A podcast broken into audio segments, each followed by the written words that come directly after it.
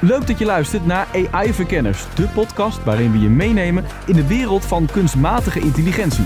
Mijn naam is Kevin. En mijn naam is Peter.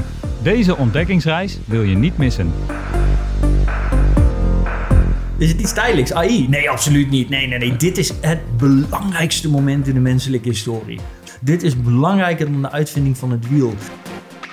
Een robot die een hele stabiele werk, manier van werken heeft en zeer snel kan schakelen op een beweging. Dat is misschien nog, wel- dan heb je meer succes. Op Nou, een, als het eh, zover komt, mag jij eerst. Ja. nee, maar ik zag William ook al zo kijken van, eh, nee, maar dat wil ik wel als eerst.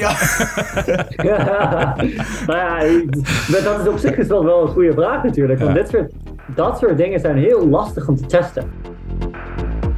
AI is een model van de realiteit, van, van kennis, van gedrag. En je moet, we moeten altijd onthouden dat AI maar een soort dashboard is van eh, de echte realiteit en het altijd zal behandelen.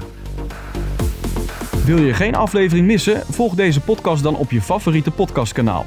Meer weten? Ga naar aiverkenners.nl.